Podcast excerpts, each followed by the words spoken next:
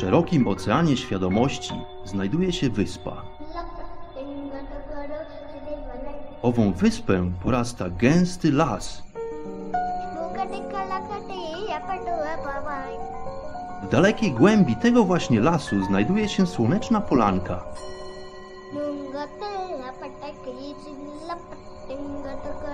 Przy tej oto polance, w gorących promieniach słońca, stoi sobie pewna magiczna chata.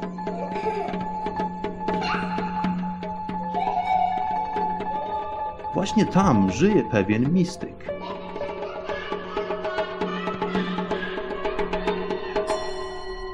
Mam na imię Bart i zapraszam wszystkich serdecznie do wysłuchania programu Chata Mistyka.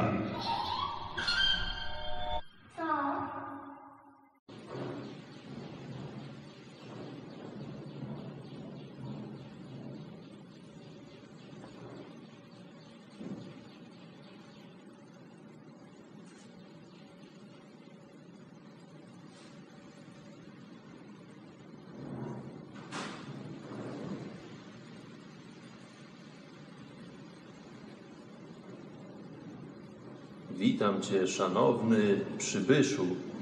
Witam Cię, szanowny gościu. Namaste, namaskaram, aloha. Pozdrawiam wszystkich bardzo, bardzo serdecznie. Mam na imię Bart i czas rozpocząć kolejną opowieść z cyklu programów Chata Mistyka. Także mój drogi, szanowny gościu i gościuwo, zapraszam do izby, zasiądź wygodnie przy palenisku, wyluzuj się, zrelaksuj się, zapomnij o stresach i troskach dnia poprzedniego i posłuchaj kolejnej opowieści. Moi drodzy, Chata Mistyka jest to cykl programów, w których opowiadam troszeczkę o świadomości i o drodze, na którą wstąpiłem, na której to odkrywam różne ciekawe zagadnienia, na, na drodze, na, do której dochodzę do różnych ciekawych, interesujących wniosków. No i tymi wnioskami tutaj niniejszym mam zaszczyt się z Wami podzielić.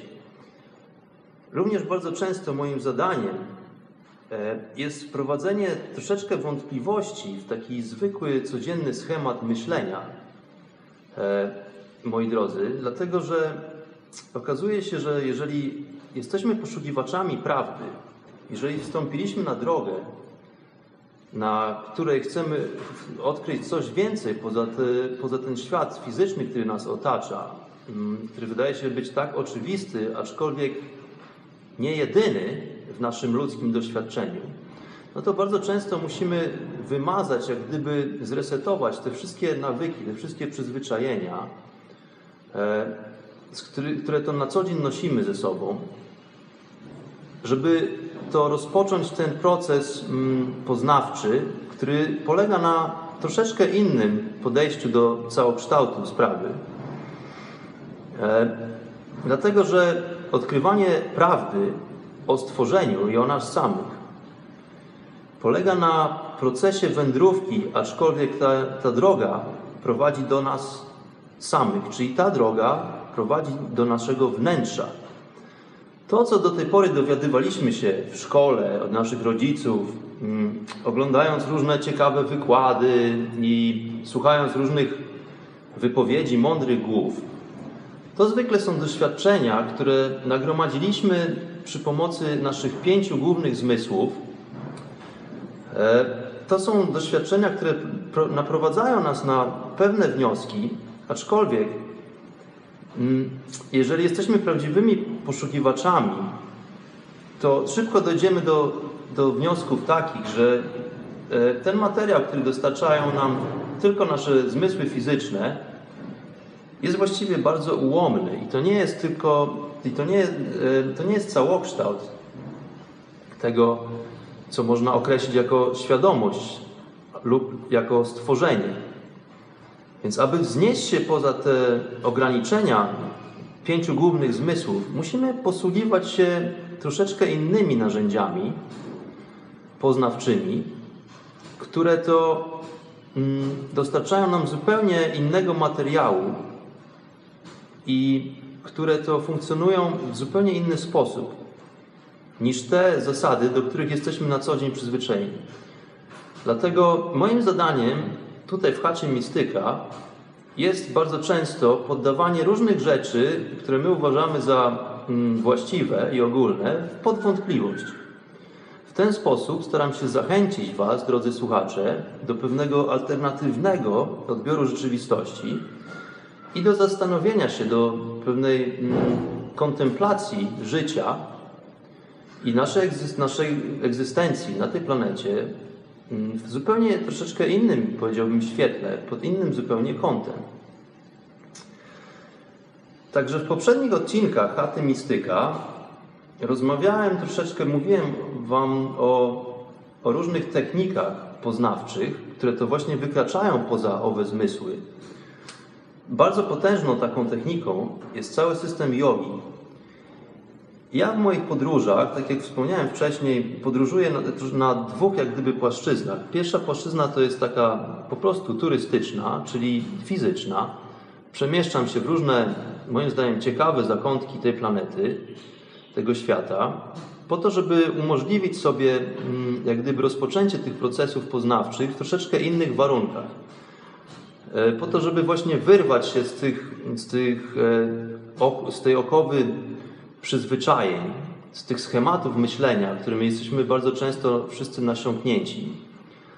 E, ale to nie jest jedyna podróż, jaką odbywam. Równolegle odbywam podróż jak gdyby metafizyczną. Ta podróż prowadzi do wnętrza mnie samego, dlatego że każdy z nas nosi wewnątrz siebie, czy zdajemy sobie z tego sprawę, czy nie, potężną, potężną bazę informacji o tym, jak funkcjonuje stworzenie, kim my jesteśmy właściwie, jaki jest nasz cel tutaj i na czym polega nasze życie właściwie. Więc jednym z takich potężnych systemów, które umożliwiają nam rozpoznanie e, tego świata w troszeczkę innym świetle, jest system jogi. Yoga pochodzi e, z, z kraju, który obecnie nazywa się India. To jest kraj, który. Mm, India to, to, to jest kraj, który ma bardzo potężną i długą tradycję i kulturę rozbudowaną e, w bardzo wysokim stopniu. Jeżeli porównamy ją do kultury, do współczesnej kultury europejskiej na przykład, to ta kultura europejska wydaje się tak naprawdę znikoma e, w porównaniu z tym doświadczeniem, które, które zostało tutaj mm, nabrane, które zostało tutaj rozpowszechnione w kulturze indyjskiej. E, jest to historia, która sięga tysięcy, tysięcy lat. Ludzie rozwinęli tutaj Mm, jak gdyby swoją duchowość w bardzo wysokim stopniu, wydaje się w dużo większym stopniu niż, w, niż wygląda to w tej chwili w Europie. Ja mówię tylko i wyłącznie o, o tak zwanej współczesnej cywilizacji, dlatego że ta nasza cywilizacja, ta ostatnia nasza cywilizacja liczy sobie tak naprawdę nie więcej niż około 15 tysięcy lat. To nie oznacza, że 15 tysięcy lat temu na tej planecie nie było ludzi i cywilizacji i kultur. Nie, nie, nie. Ja mówię o tym, że ten ostatni cykl cywilizacyjny, e, ta kultura, czy też ta mnogość kultur, jakie znamy w tej chwili, rozpoznajemy w różnych częściach tej planety, to jest historia, która ma tylko i wyłącznie około 15 tysięcy lat. Ja poświęciłem dwa odcinki e, Chaty Mistyka na to, aby przedstawić Wam pewną bardzo znamienitą postać, pewnego tajemniczego przybysza. E, słowo przybysz jest tutaj nie bez znaczenia. Mm. Opowiedziałem Wam historię Shivy, Shiva, czyli Adi Yogi, czyli z języka sanskryt pierwszy yogin. To był tajemniczy przybysz, mowa jest o tym, że przybysz nie z tej planety, przybysz z kosmosu, e, który przedstawił ludziom pewne techniki poznawcze i zaczął nauczać ludzi początkowo tylko siedmiu wytrwalców, dlatego że wokół niego zgromadziło się mnóstwo ludzi początkowo, aczkolwiek oni się zniechęcili, dlatego że on był bardzo jak gdyby uparty mm, i nie za, nie, niezbyt chętnie zwracał się do nikogo, nie, niezbyt chętnie nawiązywał z nikim kontakt, e, dlatego że po prostu po, poszukiwał ludzi, którzy będą gotowi na wstąpienie na drogę udoskonalania się, a droga ta nie jest łatwa, więc oni musieli w pewien sposób udowodnić swoją gotowość, swoją wytrwałość. Swoją wytrwałością musieli udowodnić to, że po prostu podołają zadaniu. Tych siedmiu uczniów Siwy rozpowszechniło kulturę w różnych zakątkach tej planety. Jest to prawdopodobnie baza, mm, jest to początkowa baza dla mm, rozwoju głównych, głównych nurtów kulturowych i cywilizacyjnych w różnych zakątkach tej planety. Ja o tym wspomniałem mm, podczas dwóch odcinków zatytułowanych Adi Yogi, część pierwsza i część druga. Także dla tych, którzy nie słuchali jeszcze tych odcinków Chaty Mistyka, bardzo serdecznie zapraszam do archiwów i do zapoznania się z, histori e, z historią Siwy. E, moi drodzy, rozmawialiśmy o różnych innych aspektach świadomości, też w innych częściach chaty mistyka. E, był też odcinek poświęcony aborygenom w Australii, gdzie opowiadałem troszeczkę o kulturze, która rozwinęła się jak gdyby równolegle do wszystkich innych tutaj cywilizacji na tej planecie. Kulturze, która, która skupiła się dużo mocniej na rozwoju świadomości i rozwoju duchowym, raczej niż na umiejętności przetrwalniczej w naturze, w świecie. Dlatego, że bardzo szybko poradzili sobie z mm, funkcjonowaniem w dosyć srogich warunkach australijskich, więc e, nie poświęcali za dużo czasu na rozwój wielkich miast i metropolii, tylko bardziej zagłębili się właśnie do wewnątrz, po to, żeby podróżować w kierunku rozwoju świadomościowym. Moi drodzy, yoga jest to temat bardzo rozległy. Jest temat tak rozległy, niczym sam ocean kosmicznej świadomości, rzekłbym. Dlatego żeglujemy sobie tutaj tym oceanem świadomości. E, posługuje się tutaj w tych programach różnymi dziwnymi, tajemniczymi, magicznymi słowami. Te słowa pochodzą ze starożytnego języka sanskryt. Bardzo często jest tak, że ciężko jest znaleźć słowa, które można by przetłumaczyć bezpośrednio na język polski, e, czy też w ogóle język angielski, czy inne języki europejskie, po prostu w swoich słownikach, nie posiadając słów, które opisują pewnego rodzaju stany, pewnego rodzaju doświadczenia i nazwy, jak gdyby technik i narzędzi, które zostały wypracowane tutaj właśnie w Indiach. Więc staram się troszeczkę tutaj na skróty opowiadać Wam o tym, czego się uczę, e, o tym, jakie wnioski zostały tutaj wysunięte w tej starożytnej kulturze na subkontynencie indyjskim, ale czasami po prostu zwykle najzwyczajniej w świecie brakuje słów. E, słowo yoga, co oznacza dosłownie? Dosłownie oznacza unię czyli swoistego rodzaju jedność świata fizycznego razem z tym, czym jest umysł oraz tym, czym jest ciało emocjonalne i tym, czym jest ciało energetyczne. Ja opowiadałem troszeczkę wcześniej o tym, że my jako ludzie to nie, jest, nie jesteśmy tylko workiem flaków chodzącym po tej ziemi, przemieszczającymi się e, dzięki naszym kończynom, dzięki nogom i tak dalej. Oprócz tego, że mamy ciało fizyczne, to również istnieje ciało emocjonalne i ciało energetyczne, które są bardzo mocno powiązane z tym całym naszym człowieczeństwem. E, my dosyć rzadko rozpoznajemy te dwa pozostałe ciała, dlatego że jesteśmy przyzwyczajeni właśnie bardzo często tylko i wyłącznie do zapewniania sobie przetrwania w tym świecie fizycznym. Jak gdyby umysłowo odsunęliśmy się bardzo od tego aspektu, że posiadamy również bardzo subtelne ciała energetyczne, które są zawsze nam towarzyszą i posiadamy również ciała energetyczne, które nie są widoczne gołym okiem, aczkolwiek definitywnie, definitywnie istnieją. Jeżeli jesteśmy w pewien sposób wyczuleni na, na te subtelne aspekty energetyczne, to jesteśmy w stanie definitywnie stwierdzić, że oprócz tego, że jesteśmy ciałami fizycznymi, to jest jeszcze coś ponad to. Yoga jako proces oznacza również drogę samą w sobie, czyli pewnego rodzaju totalną metodę do osiągnięcia celu. Czyli można, można by powiedzieć, że yoga jest to po prostu technologia. Technologia to jest coś, co ma za zadanie po prostu działać. To jeżeli mamy jakieś zamierzone cele, to, po prostu poprzez technologię jesteśmy w stanie te cele w jakiś sposób osiągnąć. I tak właśnie jest z jogą.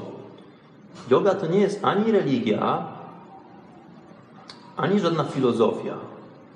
Dlatego, że filozofowanie może być ok dla gimnastyki umysłu, ale tak naprawdę nie zaprowadzi nas nigdy do żadnych wniosków, dlatego że e, filozofia zadaje mnóstwo pytań, na które nie ma odpowiedzi.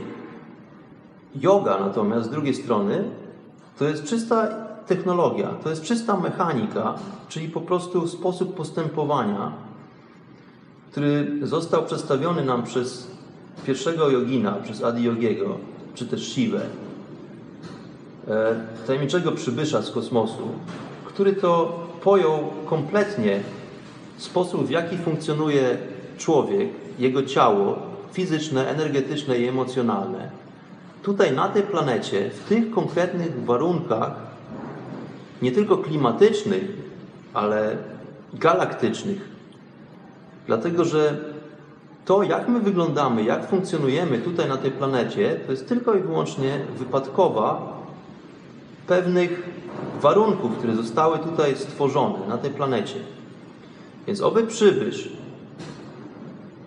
posiadł wiedzę, posiadł mm, umiejętność zamanifestowania się w ciele fizycznym, w ciele ludzkim, tutaj na tej planecie, ale ponieważ był mistrzem mm, swego rodzaju, można powiedzieć, e, kosmicznym, to był w stanie zamanifestować ten swój, ten swój, to swoje ciało w połączeniu z umysłem, jak również z ciałem emocjonalnym i fizycznym, po prostu w najwyższym możliwym stopniu, w jakim to ciało może zaistnieć tutaj, w tych warunkach. No i o tym właśnie nauczał swoich siedmiu apostołów, no i tych siedmiu owych apostołów przekazało tą wiedzę do, po prostu wszystkim innym ludziom na tej planecie. Ta historia trwa od wielu, wielu lat.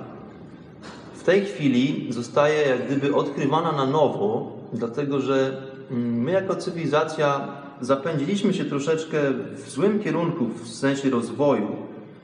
Zaczęliśmy zapewniać sobie jak najbardziej mm, wygody i po prostu jakaś taka dziwna panika, dziwny strach przed, przed e, samą naturą, w której, w której jesteśmy częścią właściwie, a nie, nie jesteśmy, nie żyjemy jako odrębne istoty od natury. My jesteśmy po prostu częścią całej tej planety. E, no ale pojawił się w pewnym momencie rozwoju tej cywilizacji jakiś dziwny strach, jakieś dziwne lęki, które odsunęły nas od głównego nurtu, od głównego powodu, dla którego po prostu tutaj jesteśmy. Więc e, jaki jest cel odbywania praktyk jogińskich? O co w tym wszystkim chodzi? No więc chodzi o to, żeby pozbyć się jakichkolwiek limitacji, czyli tego, co właściwie ogranicza naszą wolność jako istoty ludzkie. Dlatego, że każdy z nas po prostu gdzieś głęboko wie i, i pragnie tego, aby być wolnym, prawda? Bycie wolnym oznacza nic innego, jak po prostu pozbycie się jakichkolwiek ograniczeń. Jak mówię o ograniczeniach, to nie są tylko ograniczenia fizyczne, ale to są również ograniczenia mentalne i to są również ograniczenia emocjonalne i energetyczne. I właśnie to oznacza słowo yoga. To jest zespolenie tych wszystkich elementów i objęcie swoistej, swoistego rodzaju kontroli nad owymi. Czyli po prostu sam sobie sterem, żeglarzem i okrętem. No i znowu powracamy do nurtu pirackiego. Ja bardzo lubię ten wątek. Słuchajcie, w chacie mistyka po prostu odchodzi czyste piractwo. Bardzo często jest to, prezentuję Wam tutaj drogę na skróty. No i chwała za to, że po prostu przez tysiące lat różni mistrzowie duchowi opracowali pewne techniki, opracowali pewne metody, które to przekazali swoim uczniom. Ci uczniowie przekazali to kolejnym ludziom i tak dalej, i tak dalej. I dzięki temu, słuchajcie, po prostu ta podróż duchowa, to e, doskonalenie się na drodze duchowej nie jest już opłacane po prostu takim takim niesamowitym wysiłkiem i bólem, jak to, jak, jak to miało miejsce parę tysięcy lat temu. Dodatkowo wspaniałą rzeczą jest to, że w dzisiejszej dobie komunikacji globalnej jesteśmy w stanie przekazywać sobie te informacje bardzo sprawnie i, bardzo szybko. No i dzięki temu ten rozwój duchowy, jeżeli tylko chcemy, możemy po prostu sobie zapewnić w dużo szybszej formie i lżejszej, jak gdyby przyjemniejszej formie, niż miało to miejsce parę tysięcy lat temu. No i tym samym rozpowszechnia się ponownie, jak gdyby, system jogi. Tak jak wspomniałem wcześniej, yoga jest to totalne narzędzie, które jest bardzo doskonałe w swojej formie. Jest to narzędzie, które to ma umożliwić nam uzyskanie pewnego rodzaju wolności a tym samym poznanie prawdy. To swoistego rodzaju forma pozwalająca nam pozostawić w tyle nasze ułomności i tym samym, jako istoty ludzkie, wznieść się na najwyższy poziom naszej ludzkiej egzystencji. A tym samym jesteśmy w stanie osiągnąć ten, e, jesteśmy, w stanie, jesteśmy w stanie osiągnąć ten stan, w którym możemy kompletnie wykorzystać nasz ludzki potencjał.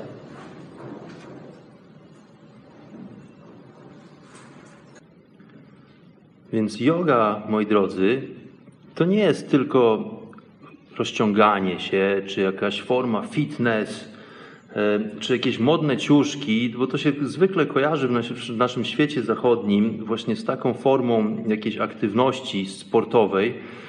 To zupełnie nie o to chodzi. Mm, yoga tak samo gimnastykuje ciało, jak, jak ma za zadanie również gimnastykę umysłu, a również sfery, sfery energetycznej człowieka. Więc tylko w połączeniu tych wszystkich elementów e, mamy do czynienia z jogą prawdziwą i właściwą, taką klasyczną, starożytną jogą.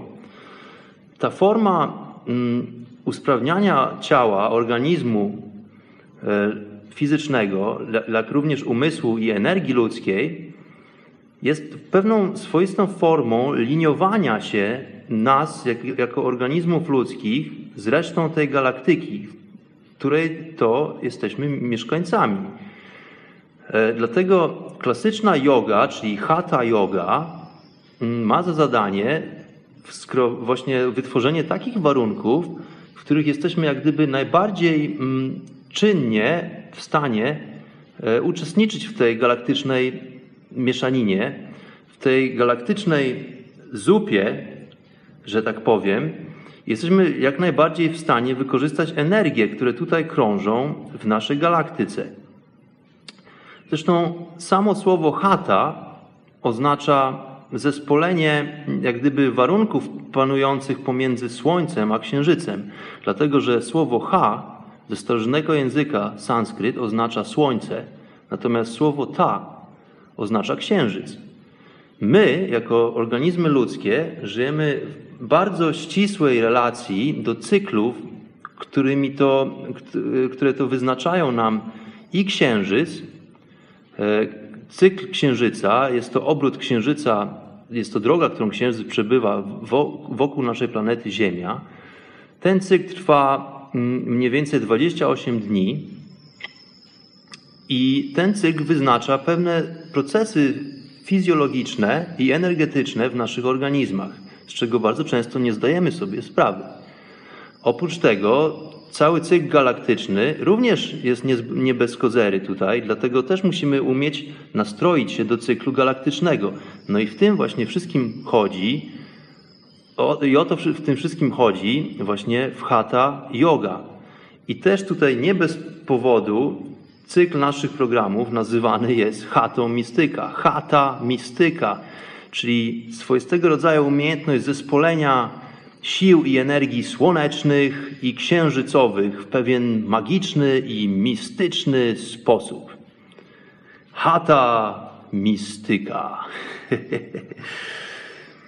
Więc słuchajcie, walczymy z tymi naszymi ułomnościami ograniczeniami, jakie zostały narzucone nas, na nas w pewnym stopniu, mm, w tej naszej ludzkiej formie. No a co to są za ograniczenia? Więc właściwie my jako ludzie doświadczamy tylko dwóch rodzajów ograniczeń, można by powiedzieć. Z jednej strony są to ograniczenia fizyczne, i te oto ograniczenia fizyczne jesteśmy w stanie przezwyciężyć, wykonując pewnego rodzaju praktyki cielesne, które to, dostarczają nam praktyki jogi. Są to tak zwane yoga asany. Asana to nic innego jak poza lub pozycja. Bardzo skrupulatnie i bardzo szczegółowa opracowana pozycja, dlatego że asana to właściwie jest każda jakakolwiek pozycja, w którą, którą mm, przybierze nasze ciało, można by nazwać asaną.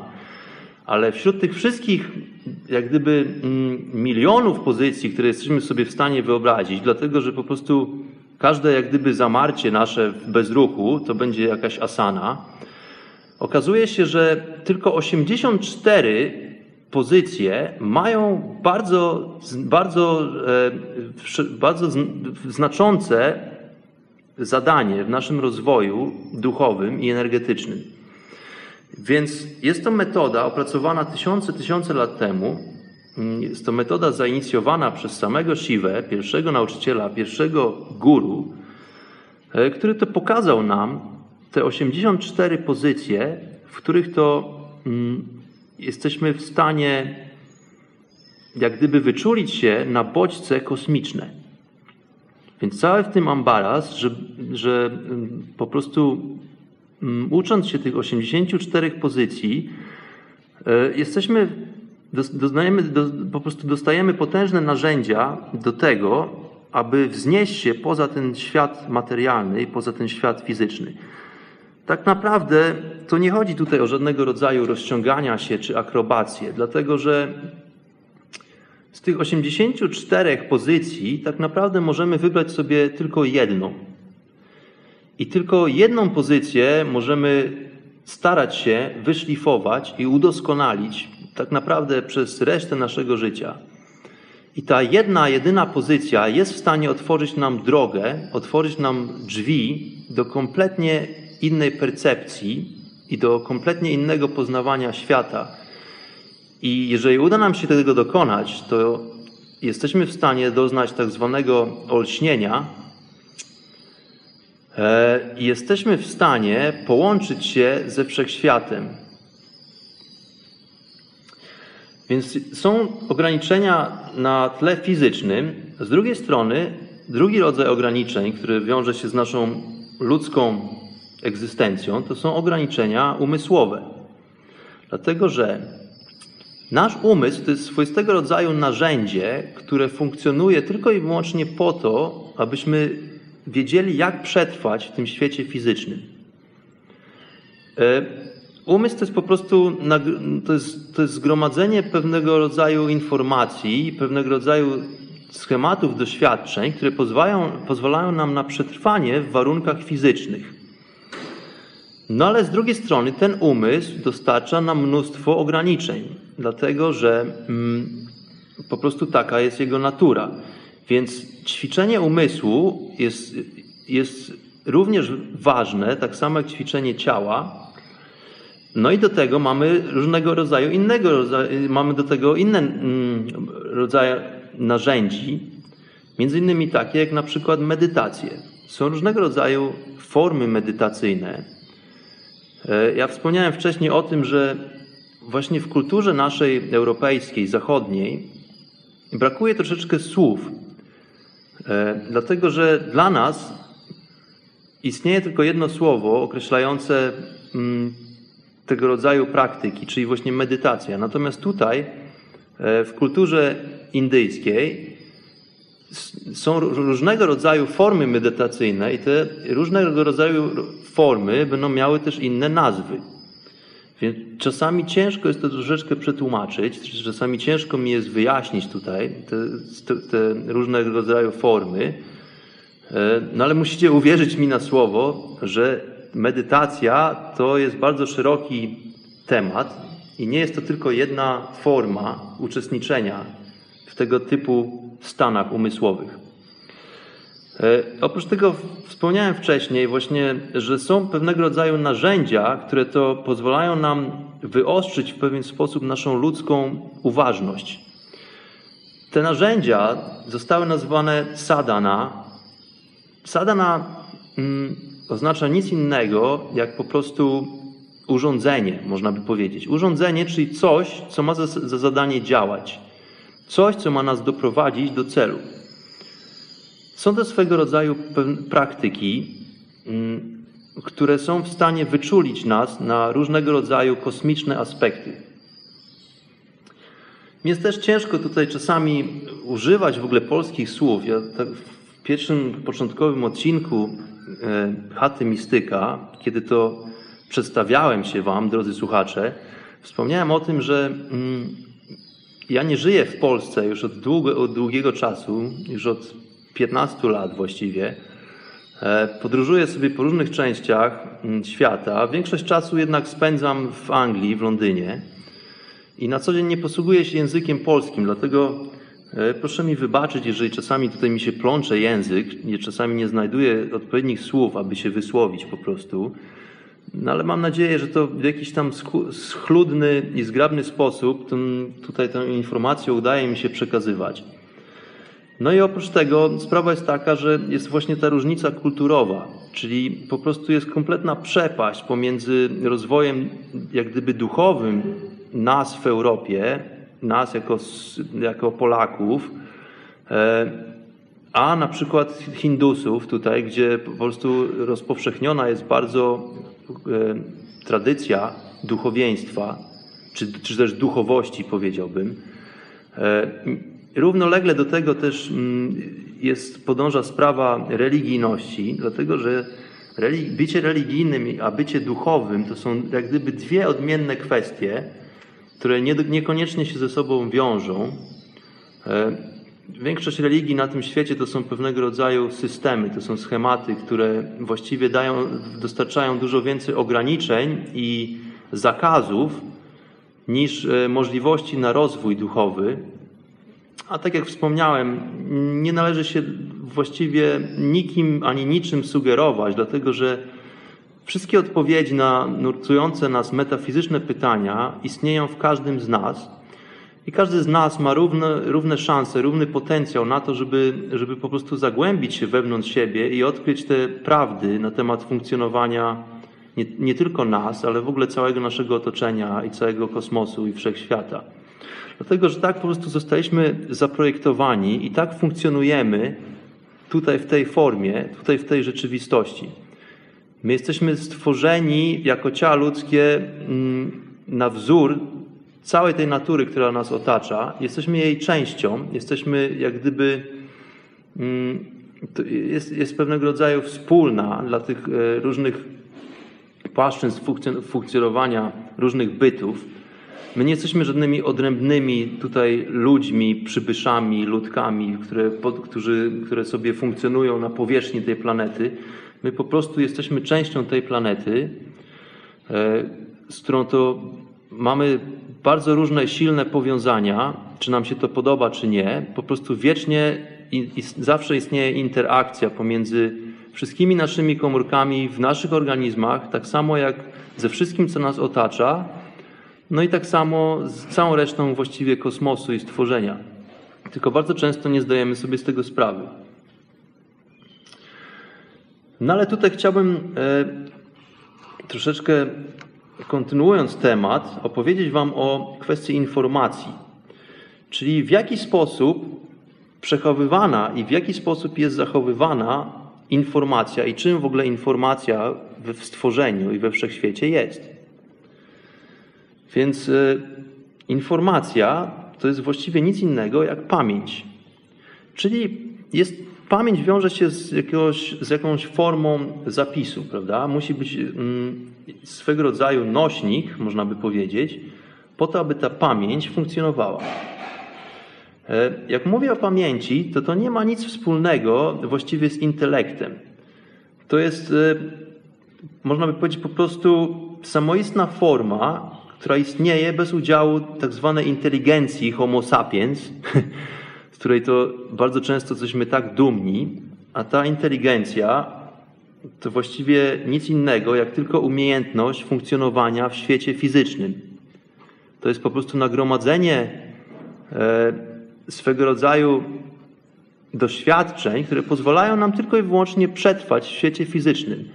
Ta inteligencja nie przekłada się w żaden sposób na całość funkcjonowania wszechświata i dzięki tej inteligencji, która posługuje się zwykle logiką, nie jesteśmy w stanie właściwie odkryć nic poza światem fizycznym, którego jesteśmy częścią i, i po prostu, który nas otacza. E, więc informacja. Teraz co innego troszeczkę jest kwestia, czy wiemy, jak taką informację, czyli pamięć, odszukać i czy mamy w ogóle umiejętność jej odczytania. E, dlatego, że można by powiedzieć, że pamięć natury jest właściwie bytem samoistnym. E, z naszym udziałem, czy, czy bez naszego udziału, ta informacja tkwi w każdej cząsteczce stworzenia. Musimy sobie z tego zdać sprawę. My sami jesteśmy niezliczonym zbiorem informacji, nie tylko nas samych, ale właściwie o wszystkim, co dosłownie sprawiło, że jesteśmy tutaj, jako my sami. Cała historia związana z naszym pojawieniem się tutaj i teraz, w takiej formie, to, że jesteśmy tu i teraz, to, jakie mamy uwarunkowania fizjologiczne, fizyczne, nasza fizjonomia, to jak wyglądamy, czy też na przykład jaki mamy kolor skóry, jak brzmi nasz głos i tak dalej, i tak dalej, to właściwie nie jest nasza zasługa, trzeba sobie z tego zdać sprawę, ale to dzieło, można by powiedzieć, naszych rodziców, wcześniej naszych dziadk, naszego dziadka, babci, a wcześniej po prostu całej, całej ewolucji. To jest bardzo długi szereg, który doprowadza nas do tego momentu, do tego punktu, w którym to manifestujemy się w taki, a to nie inny sposób. To jest cały proces, który zaprowadził nas w to miejsce. Więc można by powiedzieć, że to są miliony lat, podczas których ta, ta właśnie informacja przekazywana ze stworzenia na stworzenie sprawiła, że oto dziś jesteśmy po prostu tym, kim jesteśmy. Więc ta pamięć jest bardzo istotna. Ta pamięć mm, istnieje w każdej najdrobniejszej cząstce nie tylko organizmu, ale, ale w ogóle stworzenia, bo to jak, jak mówię o tej pamięci, to nie, jest, to nie są tylko organizmy żywe, e, tylko po prostu każdy fizyczny obiekt, każdy kawałek trawy, każdy e, kawałek kamienia, E, czy czegokolwiek po prostu, co się manifestuje w formie fizycznej na tej planecie, posiada ową pamięć. Dodatkowo ta informacja zawiera nie tylko pamięć nas samych, czy też naszych przodków, ale jest to informacja o całym wszechświecie. Tylko teraz umiejętność tego, czy my jesteśmy w stanie tę informację odczytać. I tutaj można by również wspomnieć to, że to, jak funkcjonuje na, na przykład atom, jest to dokładnie odzwierciedlenie tego, jak wygląda i działa cały kosmos. E, teraz, tak jak wspomniałem, kwestia tego, czy jesteśmy tego świadomi i czy potrafimy korzystać z tej nieograniczonej biblioteki stworzenia. Ale faktem jest, że każda cząsteczka bytu dla wtajemniczonych jest to po prostu przepis na kosmiczną zupę. I tak właśnie nazwałem dzisiejszy odcinek Chaty Mistyka kosmiczna zupa, dlatego, nie dlatego, że jest to mm, odcinek, w którym gotujemy i podaję Wam przepisy na jakieś smakowite wynalazki kulinarne, tylko po prostu w tym kotle kosmicznym, w tym kociołku, bulgoczącym kosmicznym kociołku, zdajemy sobie powoli sprawę z tego, jakie są składniki, jakie są elementy tej całej zupy. No i dzięki temu jesteśmy w stanie stworzyć przepis na wszystko. Czyli po prostu przepis na kosmiczną zupę. I to właśnie, moi drodzy, to jest właśnie alchemia w pełnym pojęciu. Dlatego, że to, co ponad nami, takowe wewnątrz Ciebie. Czyli po prostu od najmniejszej cząsteczki, która funkcjonuje w Tobie w postaci atomu, tak samo zbudowane jest całe Twoje ciało, tak samo zbudowana jest ta planeta, tak samo zbudowana jest ta galaktyka i tak samo funkcjonuje cały wszechświat. Na teraz proponuję, aby tradycji stało się zadość, po prostu, żebyśmy sobie najzwyczajniej w świecie świadomie pooddychali.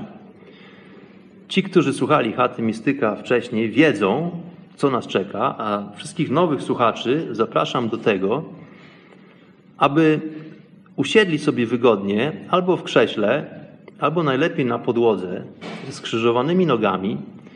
To zajmie nam dosłownie chwilę. Po prostu poddychamy sobie w sposób bardzo świadomy. Zaczerpniemy trzy i tylko trzy głębokie oddechy, ale w pełni świadomie. Także zapraszam wszystkich, żeby porzucili wszelkie zadania, które w tej chwili wykonują, żeby usiedli sobie wygodnie na podłodze ze skrzyżowanymi najlepiej nogami. E, dłonie spoczywają luźno na udach, skierowane do góry, palce są wyprostowane. Zamknijcie oczy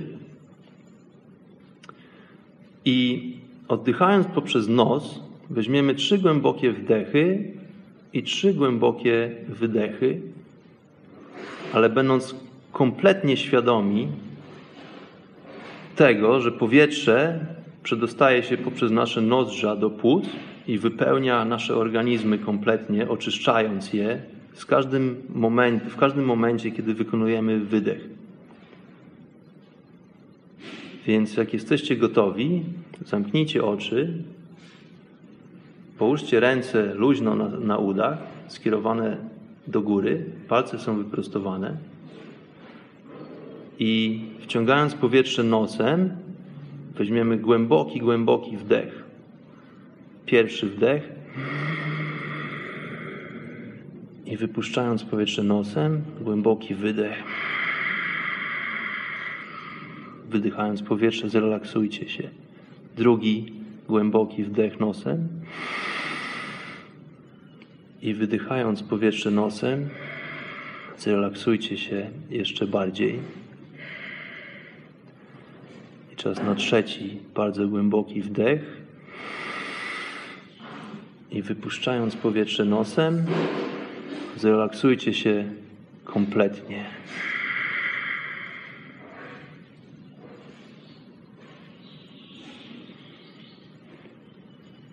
Powoli, powoli otwórzcie oczy.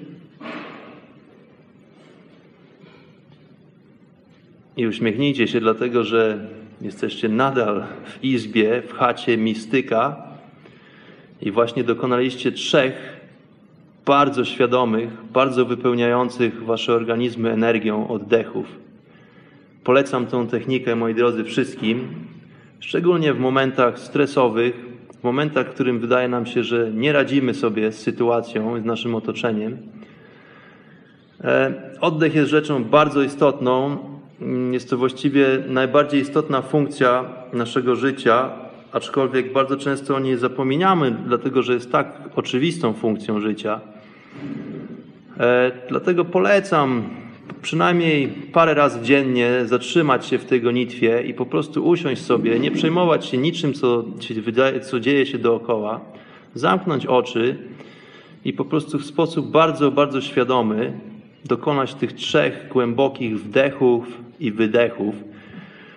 I jeżeli będziecie to praktykować na co dzień, to bardzo szybko przekonacie się, że jest to bardzo prosta, aczkolwiek bardzo potężna technika, która może doprowadzić Was do zupełnie innych stanów świadomości. A o to w tym wszystkim tutaj chodzi.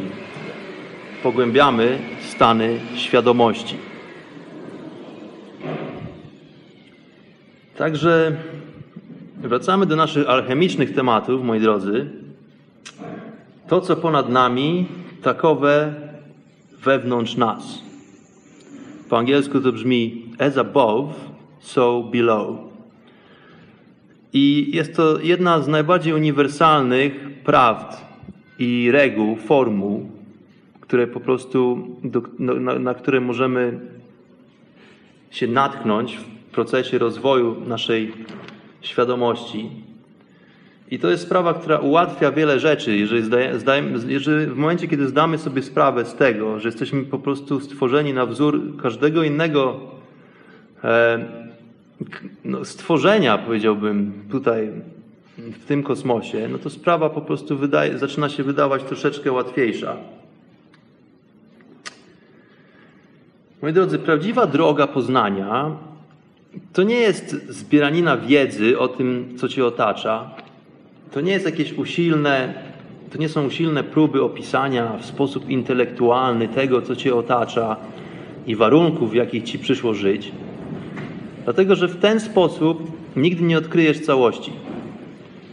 Najzwykle, najzwykle zabraknie ci czasu na przeczytanie wszystkich mądrych książek, na obejrzenie wszystkich filmów dokumentalnych na YouTubie, czy wysłuchanie wszystkich wykładów mądrych głów. To, to tylko sprawia wrażenie, że rozszerzasz swoje horyzonty i gimnastykujesz swój intelekt. Ale jeżeli kiedykolwiek podążałeś, czy podążałaś tą drogą, to zdajesz sobie, to zdajesz sobie sprawę bardzo szybko, że im więcej wiesz, tym bardziej przeraża cię ogrom informacji, którego nie jesteś w stanie pojąć. Z różnych względów.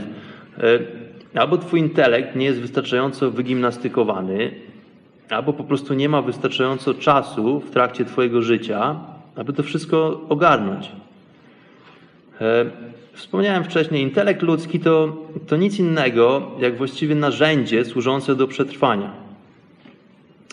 Intelekt pozwala ci na przykład ściąć drzewo siekierą, dlatego że wiesz, jak posługiwać się siekierą. Wcześniej mm, nastąpił jakiś proces myślowy, e, zaprojektowałeś tą siekierę, e, wykorzystałeś mm, technologię obróbki materiałów, trzonka drewnian, drewnianego i mm, metalowego, metalowej części siekiery. Nie wiem, jak się nazywa ta druga część. Udało ci się stworzyć to narzędzie, więc teraz jesteś mistrzem lasu, że tak powiem, królem lasu, jesteś w stanie pójść do lasu, ściąć drzewo tą siekierą, wybudować sobie dom z tych bali, które przygotowujesz, no i później rozpalić ogień w tej chacie, którą to wybudowałeś sobie i, za, mm, no i zagotować wodę w kociołku i zaparzyć sobie herbatę. I, i to właściwie tyle. No, to tak w spłaszczeniu tylko tyle pozwala ci osiągnąć twój intelekt. Dlatego, że jeżeli chcesz ogarnąć i doznać tego, co wykracza poza nasze doświadczenia zmysłowe, to musisz posługiwać się zupełnie innymi narzędziami. No więc e, udało ci się rozpalić mm, ten ogień, udało ci się zagotować wodę w kociołku, mm, udało ci się nazbierać tych jagódek wcześniej w lesie, czy też upolować jakiegoś biednego zajączka. Więc ugotowałeś tą strawę, masz dach nad głową. No i co teraz? Czy to oznacza, że nasz los jest przesądzony, że nie możemy jak gdyby wznieść się ponad te ograniczenia, że nie jesteśmy w stanie tak naprawdę poznać tego, o co w tym wszystkim chodzi? Czy to oznacza, że nie ma innych opcji na ogarnięcie tego wszystkiego? Nie, słuchajcie, to oznacza tyle, że droga poznania przy udziale intelektu jest po prostu drogą bardzo ograniczoną. Nie oznacza to jednak, że jest to droga jedyna. Więc teraz, jeżeli każdy z nas ma tą świadomość, że jest coś ponadto, dlatego że każdy z nas w pewnych momentach naszego życia dochodzi do takich wniosków, że, że musi być coś ponad to. To jest po prostu, to nam towarzyszy przez całe życie, jest to tak naturalne, że nie można tego ignorować. Wielu z nas stara się to usilnie zepchnąć gdzieś do, mm, gdzieś po prostu e, w kąt i nie przejmować się tą, tym, tą taką świadomością tego, że jest coś więcej, ale wielu z nas wkracza no właśnie na tą drogę poszukiwania, na tą drogę mistyczną, w której to chcemy dowiedzieć się, o co w tym wszystkim chodzi. Więc teraz, żeby wstąpić na tą inną drogę niż droga intelektu, gdzie intelekt pozwala nam tylko na przetrwanie w świecie fizycznym, musimy potrafić wyzwolić się z ograniczeń poznania tylko i wyłącznie intelektualnego, czyli tego, które bazuje na doświadczeniach naszych pięciu zmysłów, prawda? Na zmysłu wzroku, słuchu, dotyku, smaku i zapachu. Dlatego, że te zmysły pozwalają nam tylko i wyłącznie na przetrwanie w świecie fizycznym. A świat fizyczny, tak jak już to wiemy, to nie jest tylko świat materialny. To znaczy, a świat to nie jest tylko świat fizyczny. To chciałem powiedzieć. Więc musimy potrafić w sposób transcendentalny wznieść się ponad możliwości owych pięciu zmysłów. Transcendencja, czyli umiejętność wykroczenia poza ten materiał, który dostarczają nam tylko i wyłącznie zmysły. E, również musimy potrafić wznieść się ponad schematy, którymi posługuje się nasz umysł. Też tutaj warto zdać sobie sprawę z tego, że umysł właściwie nie istnieje. To jest największy dowcip. E, umysł to tak naprawdę tylko forma aktywności naszego rozumu, można by powiedzieć, która bazuje na pamięci, którą posługuje się ciało fizyczne i energetyczne. Czyli po prostu w tej aktywności nie ma nic ponadto, co doznaliśmy jako my sami, czego doświadczyliśmy, czego, co nagromadziliśmy podczas naszego życia. Więc prawdziwe poznanie może odbyć się tylko na zasadzie tak zwanego olśnienia. E, olśnienie jest to pewnego rodzaju akt wykraczający poza schematy myślenia, poza schematy logiczne. Więc to, czego nie da się opisać w sposób logiczny, nie oznacza, że nie istnieje, tylko jest to po prostu zupełnie, jest to zupełnie inna po prostu gra. Jest to zupełnie inna płaszczyzna, aczkolwiek nie, nie, nie oznacza to, że ona nie istnieje, dlatego że nie jesteśmy w stanie ogarnąć jej przez nasz umysł i przez nasze zmysły. Więc proces olśnienia jest to swego rodzaju akt, który następuje w sposób momentalny i udostępnia poznanie totalne, czyli całościowe. To nie jest jakiś długi proces mm, szkolenia się, studiowania w bibliotekach, mm, spędzania czasu e, poznając, e, nie wiem, no badając różnego rodzaju rzeczy w laboratorium. To jest pewnego rodzaju proces, który następuje momentalnie. On, on właściwie nie wiąże się z granicami czasowymi. E, tym samym poprzez swój charakter nie wiąże się w, jakiś sposób, w jakikolwiek sposób z procesem czasowym. Czyli takie olśnienie nie, nie, mm, nie, ma, nie wiąże się na przykład z tym, że, że przez 50 lat wertujemy strony mądrych książek w bibliotece i później się okazuje, że i tak to ma mierny skutek, dlatego że dowiedzieliśmy się tyle, że po prostu nic nie wiemy, tylko jest to taka jak gdyby zupa ekspresowa, powiedziałbym. Skoro odcinek dzisiejszy zatytułowany Kosmiczna zupa, to tutaj przywołam takie porównanie zupki ekspresowej. Powiedzmy taki gorący kubek. Czyli olśnienie, do, występu, y, olśnienie mm, po prostu polega na tym, że wsypujesz do kubka mm, proszek z saszetki, zalewasz gorącą wodą, zamieszasz łyżeczką i proszę, tada, zupa gotowa, jest. To jest po prostu olśnienie. E, to nie jest y, proces gotowania zupy przez trzy godziny i później doprawiania jej i tak dalej, tylko jest to po prostu momentalny proces, który nie wiąże się właściwie z, żadną, z żadnym mm, interwałem czasowym. Więc tutaj warto wspomnieć, że właśnie w ten sposób funkcjonowały największe i funkcjonują największe umysły tej cywilizacji. E, nie metodą żmudnej pracy, i prowadzeniem testów i eksperymentów, tylko swoistą umiejętnością wglądu, powiedziałbym, w sprawę, a tym samym uchwycenia całości i ogółu sprawy. czyli ogółu i szczegółowości każdego aspektu sprawy.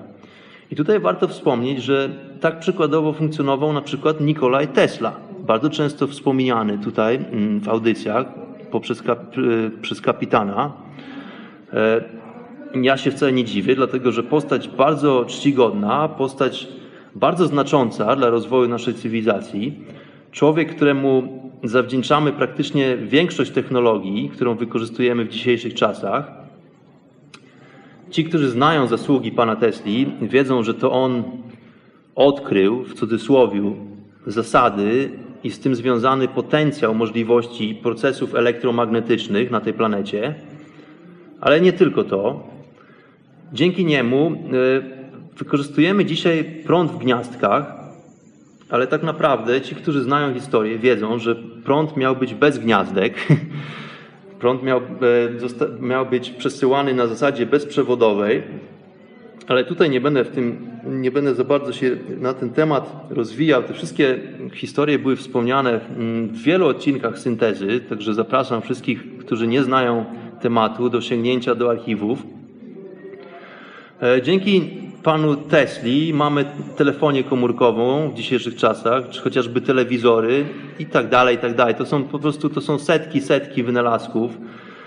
E, no i właśnie tutaj na czym polega to olśnienie? Nikolaj Tesla właściwie nie odkrył niczego, tylko on miał po prostu, tylko on opisał pewne zasady propagacji energii i na bazie tego zbudował urządzenia, które to wykorzystują. Czy też opisał patenty tak zwane, które wykorzystują te fenomeny. On sam bardzo często mówił, że, że wiedzę tą posiadł na zasadzie pewnej transmisji. Czyli jakby od wyższego, czyli jakby mm, transmisji od wyższego źródła. To nie było nic wy, wyuczonego czy eksperymentalnego. Zresztą on sam często narzekał, że zazdrości naukowcom ich niewiedzy po prostu, tego, że muszą wykonywać eksperymenty, że prowadzą różnego rodzaju testy, mm, podczas gdy on, on doznawał swego rodzaju wizji i po prostu to wszystko wiedział i później to tylko opisywał. Więc mm, to jest właśnie to. To jest proces, który nie wiąże się kompletnie z żadnym interwałem czasowym. Pan Tesla na przykład zasypiał sobie wieczorem, rano budził się, brał kartkę i długopis i po prostu wypisywał całą, cały schemat e, budowy urządzenia, które na przykład później nazwane jest telegrafem i tak dalej, i tak dalej. Tych e, przykładów tutaj w dorobku Nikolai Tesli są, jest, są dosłownie tysiące, także zachęcam wszystkich, którzy nie znają tematu, do zapoznania się z tym tematem, do poszperania w archiwach e, Radia na Fali. Słuchajcie, innym przykładem takiego wybitnego umysłu może być pewien mm, matematyk, który pochodzi tutaj, pochodził z Indii. To jest też postać bardzo, bardzo znacząca, mm, aczkolwiek w ogóle nie wspominana w, w, w, w świecie zachodnim, szczególnie w świecie akademickim, dlatego że jest to człowiek, który e, sprawił, że mnóstwo akademickich naukowców, Cambridge nie tylko, po prostu e, no, zostawił, po prostu zażenował ich, że tak powiem, dlatego że oni nie potrafili za bardzo się mm, nie potrafili się za bardzo odnieść do ogromu informacji, jaką on przelał na środowisko akademickie e, w Anglii. On, to jest człowiek, bardzo prosty człowiek, który pochodził z Indii. Jego imię brzmiało Srinivasa Ramanujan. E, ja wiem, to jest skomplikowane hinduskie imię, prawdopodobnie dlatego też e, nie zbyt często wspominane.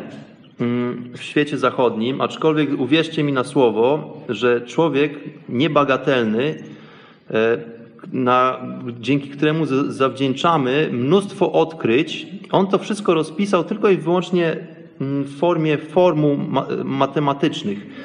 Jeszcze raz, jego imię brzmiało Srinivasa Ramanujavan. E, zachęcam do tego, żebyście poszperali sobie troszeczkę na mm, informacji na jego temat. Mm, z tego, co się orientuję, to niedawno został, mm, został zrobiony film, taki troszeczkę biograficzny na jego temat.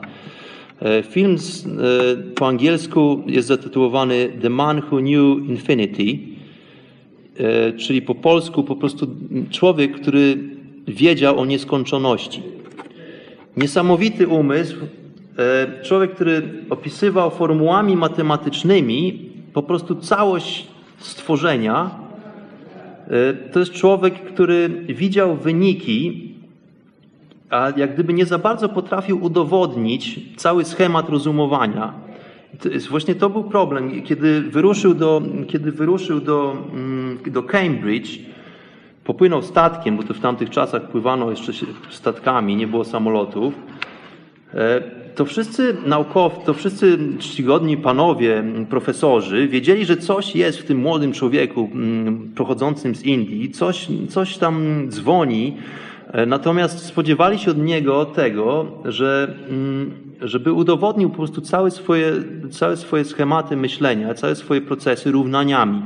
On nie za bardzo sobie z tym radził, dlatego że to jest człowiek, który widział po prostu koniec całego procesu, a nie do końca właściwie zbędne mu były te wszystkie równania po drodze, dlatego że on wiedział, jakie są po prostu wyniki, jakie są rezultaty.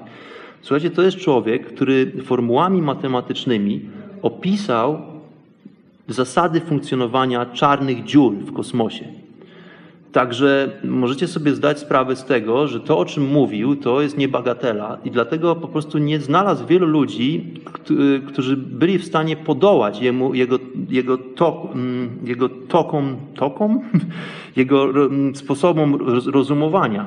Dlatego został w pewien sposób zepchnięty do, do, do cienia, został zignorowany, Aczkolwiek mm, jeszcze dzisiaj środowisko akademickie próbuje zrozumieć i wyjaśnić jego równania, dlatego że on po prostu, to okazuje się, że to wszystko, o czym on mówił, to jest prawda, tylko po prostu ludziom za, te procesy myślowe zajmują tak długo czasu, e, ludzie potrzebują zupełnie po prostu innego podejścia do tego, żeby uznać to za właściwe, a to jest człowiek, który po prostu widział to, jak funkcjonuje kosmos, opisywał to językiem matematyki, a, a dowiadywał się o tym na zasadzie właśnie owego olśnienia.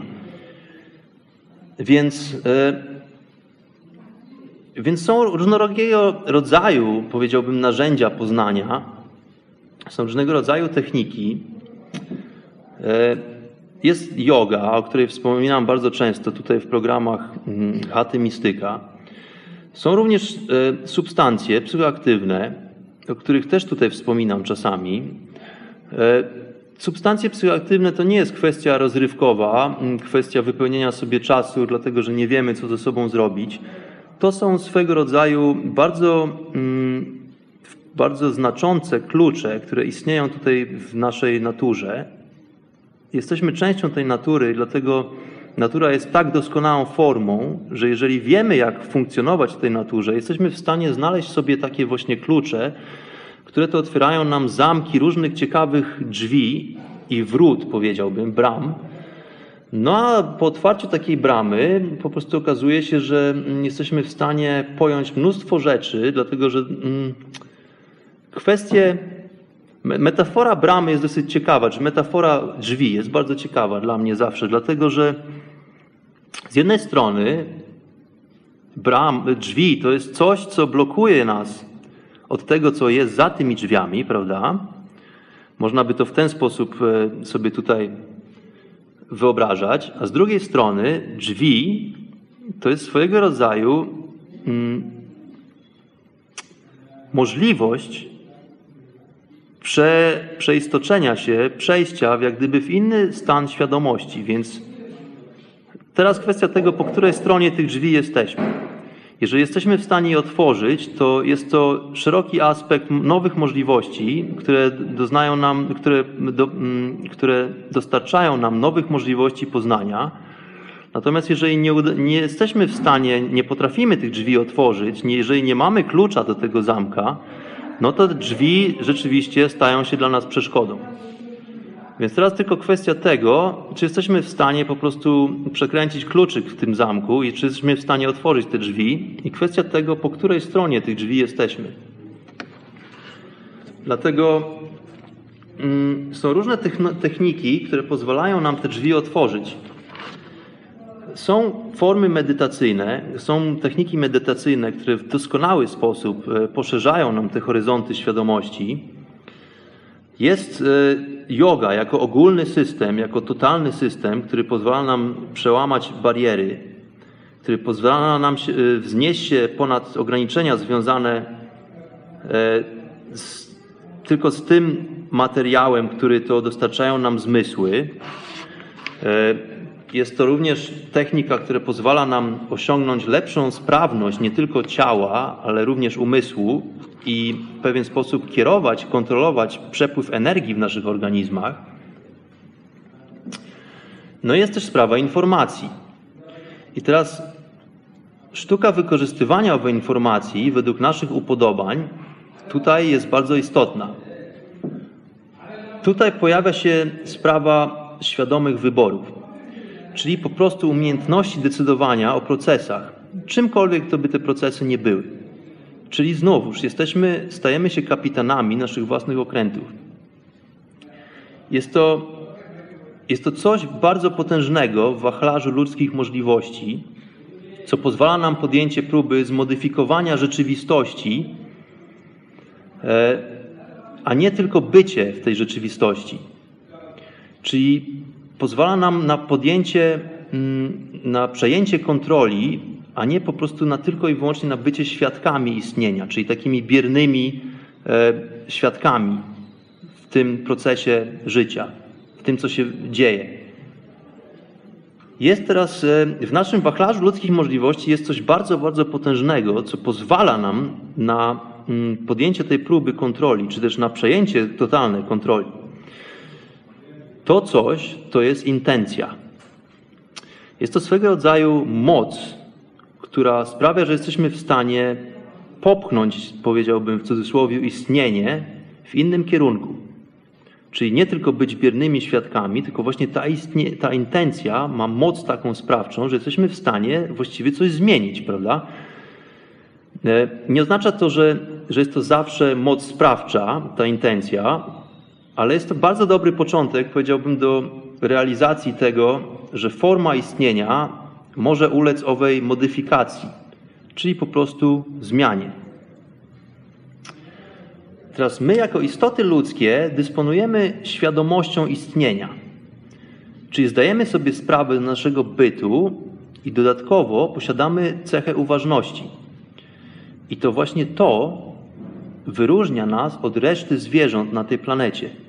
Czyli ta nasza świadomość istnienia i nasza swojego z tego rodzaju uważność. Ja tutaj zawsze mam wątpliwości używając tego słowa, czy używam właściwego słowa. Po angielsku to brzmi awareness, ale wydaje mi się, że najprościej to jest mm, przetłumaczyć właśnie jako uważność. To nie chodzi o um, uważność w tym sensie, że spostrzegamy wszystko, e, co się dzieje wokół nas na zasadzie, e, na zasadzie, no właśnie czego? Mm, że po prostu notujemy wszystko, co się dzieje wokół nas, wszystkie bodźce, tylko chodzi o pewnego rodzaju formę świadomości, że zdajemy sobie sprawę z tego, że żyjemy, że, że jesteśmy istotami rozumnymi i że jesteśmy czymś ponadto, tym, ponadto jesteśmy czymś ponad tylko ciałami fizycznymi. Dlatego, że zwierzęta one po prostu są. I one sobie po prostu robią to, co sobie robią. One nie mają za bardzo problemów, nie mają właściwie, można powiedzieć, one nie mają moralności czy żadnych zasad społecznych. Wiadomo, że zwierzęta również żyją w stadach, w grupach, ale tam nie ma kwestii moralnej. Tam po prostu funkcjonuje tylko to, co działa. Czyli jest, jeżeli takie zwierzątko jest w stanie upolować sobie inne zwierzątko, no to to jest ok. Tam nie ma mm, płaczu, że, mm, że, ktoś, że ktoś zginął, że ktoś nie żyje, albo że, nie wiem, lew odgryzł jeleniowi nogę, dlatego że to jest po prostu niezbędne do funkcjonowania takiego lwa. Tam nie ma, tam, tam po prostu nie są wliczane jakiekolwiek e, problemy moralne w to. E, czyli te zwierzęta po prostu są, one sobie po prostu tylko i wyłącznie funkcjonują. One się nie, nie zastanawiają nad tym, mm, co będzie po tym, jak umrę, czy na przykład y, istnieje sprawa reinkarnacji i tak dalej, i tak dalej. Zwierzęta po prostu takich problemów nie mają. One sobie na zwyczajnie świecie po prostu funkcjonują. Nasza ludzka świadomość natomiast świadomość istnienia i sposób, w jaki postrzegamy nas samych i nasze otoczenie, sprawiają, że mamy również tę specjalną umiejętność decydowania o nas samych i o tym, co się z nami dzieje.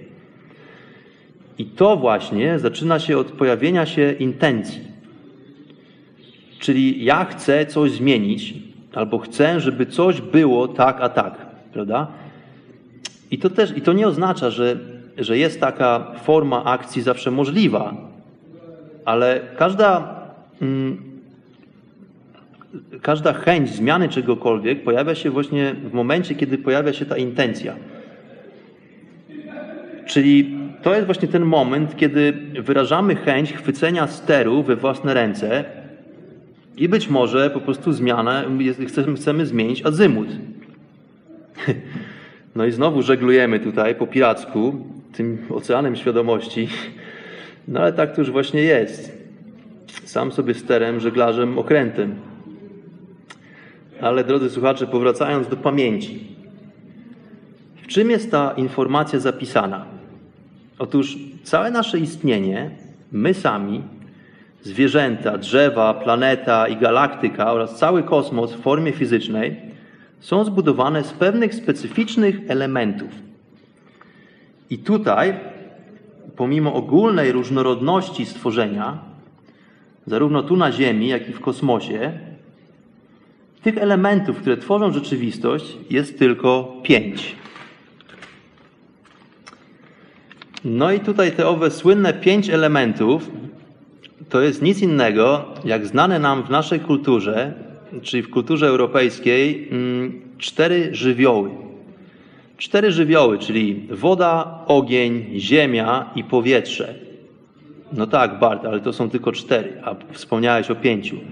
No więc jest jeszcze jeden element dodatkowy, który rzadko jest wspominany, aczkolwiek może i nawet najważniejszy w całej tej zupie. E, właściwie powiedziałbym, że może nie najważniejszy, bo wszystkie elementy są niezbędne, ale ten jest jak gdyby najobszerniejszy też. No i co to jest ten piąty element? Piąty element, tutaj na, zapewne wszystkim nasuwa się na myśl film z Bruce'em Willisem i z Milą Jovovich, gdzie to bohaterowie w znoju mm, ratowali świat to zresztą bardzo fajny film. Ja, ja mam do niego dosyć duży sentyment. Oglądałem ten film wielokrotnie. Taka komedia, science fiction, aczkolwiek w bardzo fajny, rozrywkowy moim zdaniem sposób ten koncept jest pokazany. Z tym, że tam piątym elementem to był mm, jak gdyby romans pomiędzy Bruce'em Willisem a Milą Jojovich, e, który tam przejawił się pocałunkiem na końcu i to był właśnie ten piąty element, czyli miłość. E, która uratowała cały świat. No ale tutaj jednak nie. Tradycja jogińska mówi o troszeczkę innym piątym elemencie, dużo bardziej znaczącym. E, słuchajcie, najbardziej powszechnym we wszechświecie piątym elementem jest nic. Tada! To jest po prostu pustka. To jest tak zwany niebyt, moi drodzy. Cztery elementy woda, ogień, ziemia i powietrze to są składniki aktywne, swojego, swoistego rodzaju forma budulca materii. To są te bloki, z których zbudowana jest materia. Ale te bloki nie są w stanie funkcjonować poza istnieniem w tej właśnie sferze niebytu. Piąty element, czyli przestrzeń, Nikolaj Tesla nazywał to eterem. To jest właśnie ta pustka, ale to jest ta pustka, która ma największy, najbardziej nasycony potencjał, czyli z tego po prostu może wyniknąć wszystko. To jest swego, z tego rodzaju katalizator, powiedziałbym, dla tych pozostałych czterech elementów. Te cztery żywioły, czy też te cztery elementy pełną, pełnią określone funkcje w bardzo ścisłej zależności od tego piątego elementu przestrzeni, czy też pustki. I tylko w powiązaniu z tą pustką są w stanie zamanifestować się i funkcjonować w tym świecie. Tak zbudowane jest wasze ciało, tak zbudowana jest ta planeta wraz z całą naturą, tak zbudowana jest cała galaktyka i cały kosmos. Ale o tym wszystkim opowiem Wam, drodzy słuchacze, w kolejnej części chaty mistyka, która to zatytułowana będzie Pięć elementów. Dlatego niniejszym zapraszam wszystkich bardzo, bardzo serdecznie do kolejnego odcinka chaty mistyka. A tymczasem dziękuję Wam wszystkim bardzo za wysłuchanie tego odcinka którym to opowiadałem o tym, jak zaczyna, jak zaczyna się proces gotowania kosmicznej zupy, a ten proces będziemy kontynuować, dlatego że teraz, właśnie w przyszłym odcinku, dowiemy się o tym, jak wykorzystywać jak kontrolować w bardzo, bardzo specyficzny, alchemiczny sposób owe pięć elementów, czyli po prostu podejmiemy próbę decydowania o nas samych i o wszystkim. Także bardzo serdecznie wszystkich zapraszam do kolejnej części Chaty Mistyka. A tymczasem pozdrawiam wszystkich bardzo, bardzo serdecznie. Uważajcie na siebie, bądźcie zdrowi. I tymczasem borem lasem po prostu zawijam się. Żegnam się ze wszystkimi. Bądźcie zdrowi.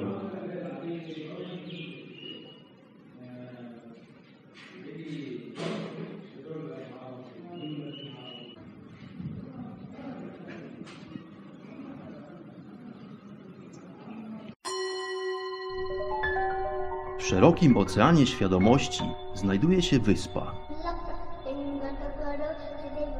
Ową wyspę porasta gęsty las. W dalekiej głębi tego właśnie lasu znajduje się słoneczna polanka.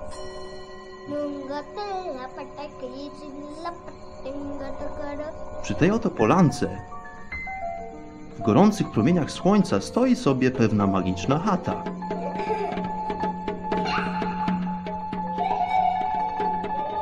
Właśnie tam żyje pewien mistyk.